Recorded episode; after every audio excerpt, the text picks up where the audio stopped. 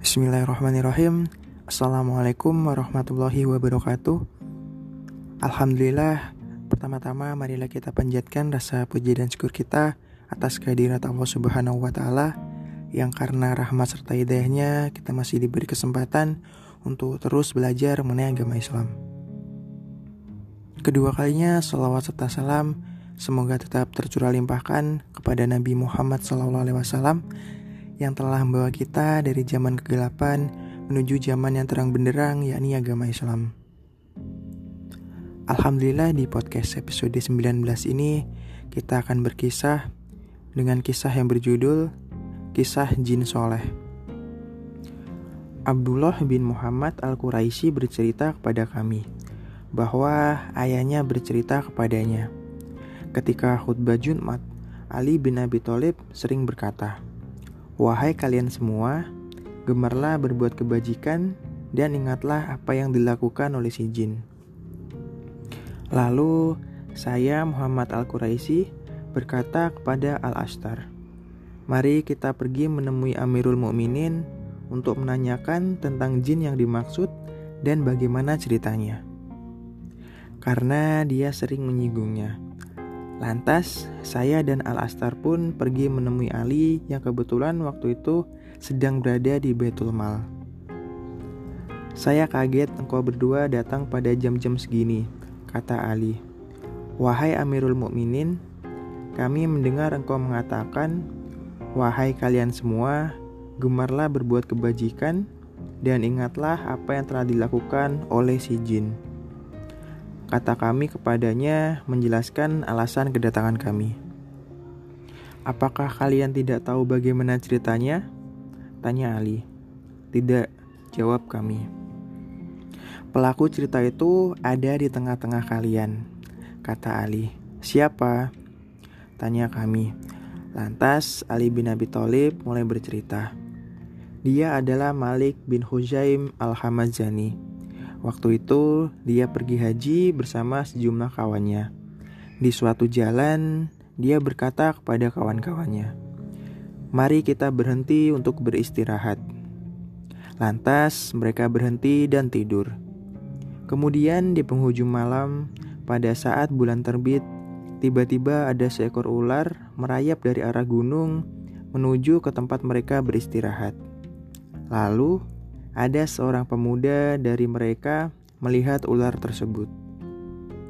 Lantas dia mengambil tongkat dan mengejar ular tersebut yang merayap menuju ke tempat Malik bin Huzaim al-Hamazani beristirahat. Lantas dia mencoba memukul ular tersebut karena khawatir akan menggigit Malik bin Huzaim. Akan tetapi pukulannya meleset dan menyebabkan Malik bin Huzaim kaget dan terbangun. Jangan, kata Malik bin Huzaim. Ada seekor ular merayap di bawahmu, kata pemuda tersebut. Tidak apa-apa, ular itu meminta perlindungan keamanan kepadaku dan aku memenuhi permintaannya itu. Jawab Malik bin Huzaim. Lantas ular itu merayap keluar dan pergi ke tempatnya semula di gunung. Sudah, Silakan kalian kembali tidur, kata Malik bin Hushaim. Lalu mereka kembali tidur dan terbangun ketika matahari mulai terbit. Lantas mereka beranjak menuju ke hewan tunggangan masing-masing dan mulai berjalan mencari air. Di tengah perjalanan mencari air, mereka tersesat dan tidak mendapatkannya. Ular tersebut melihat apa yang sedang mereka alami. Lantas, dia menyeru mereka dari atas gunung. Wahai para musafir, tidak ada air di depan kalian, hingga kalian memacu tunggangan kalian. Kemudian berbeloklah ke arah kanan. Di sana ada air, sumber mata air yang tawar dan segar, air yang bisa menghilangkan kepenatan. Lantas mereka berbelok dan menemukan sebuah sumber mata air menggenang. Lalu mereka minum memberi minum unta-unta mereka, dan pergi melanjutkan perjalanan. Kemudian, dalam perjalanan pulang, pada saat sampai di bawah gunung tersebut, mereka berkata, "Wahai Abu Hujaim, mari kita mengambil air dari sumber mata air tersebut." Lantas mereka berbelok menuju ke lokasi sumber mata air tersebut dan mereka mendapati air yang mengalir di bawah bebatuan tanpa terkena sinar matahari. Ular tersebut pun melihat mereka, lalu menyeru mereka dari atas gunung. Hai Malik, semoga Allah memberi balasan kebaikan kepadamu atas jasa baikmu kepadaku. Selamat tinggal dan semoga selamat. Jangan kau segan untuk berbuat kebajikan kepada siapa pun. Sesungguhnya, orang yang tidak mau berbuat kebajikan, maka dia akan terhalang dari memperoleh kebaikan.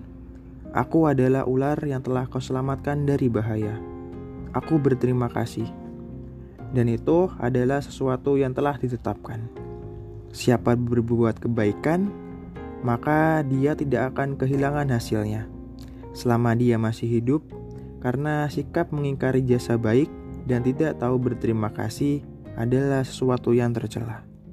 Wassalamualaikum warahmatullahi wabarakatuh.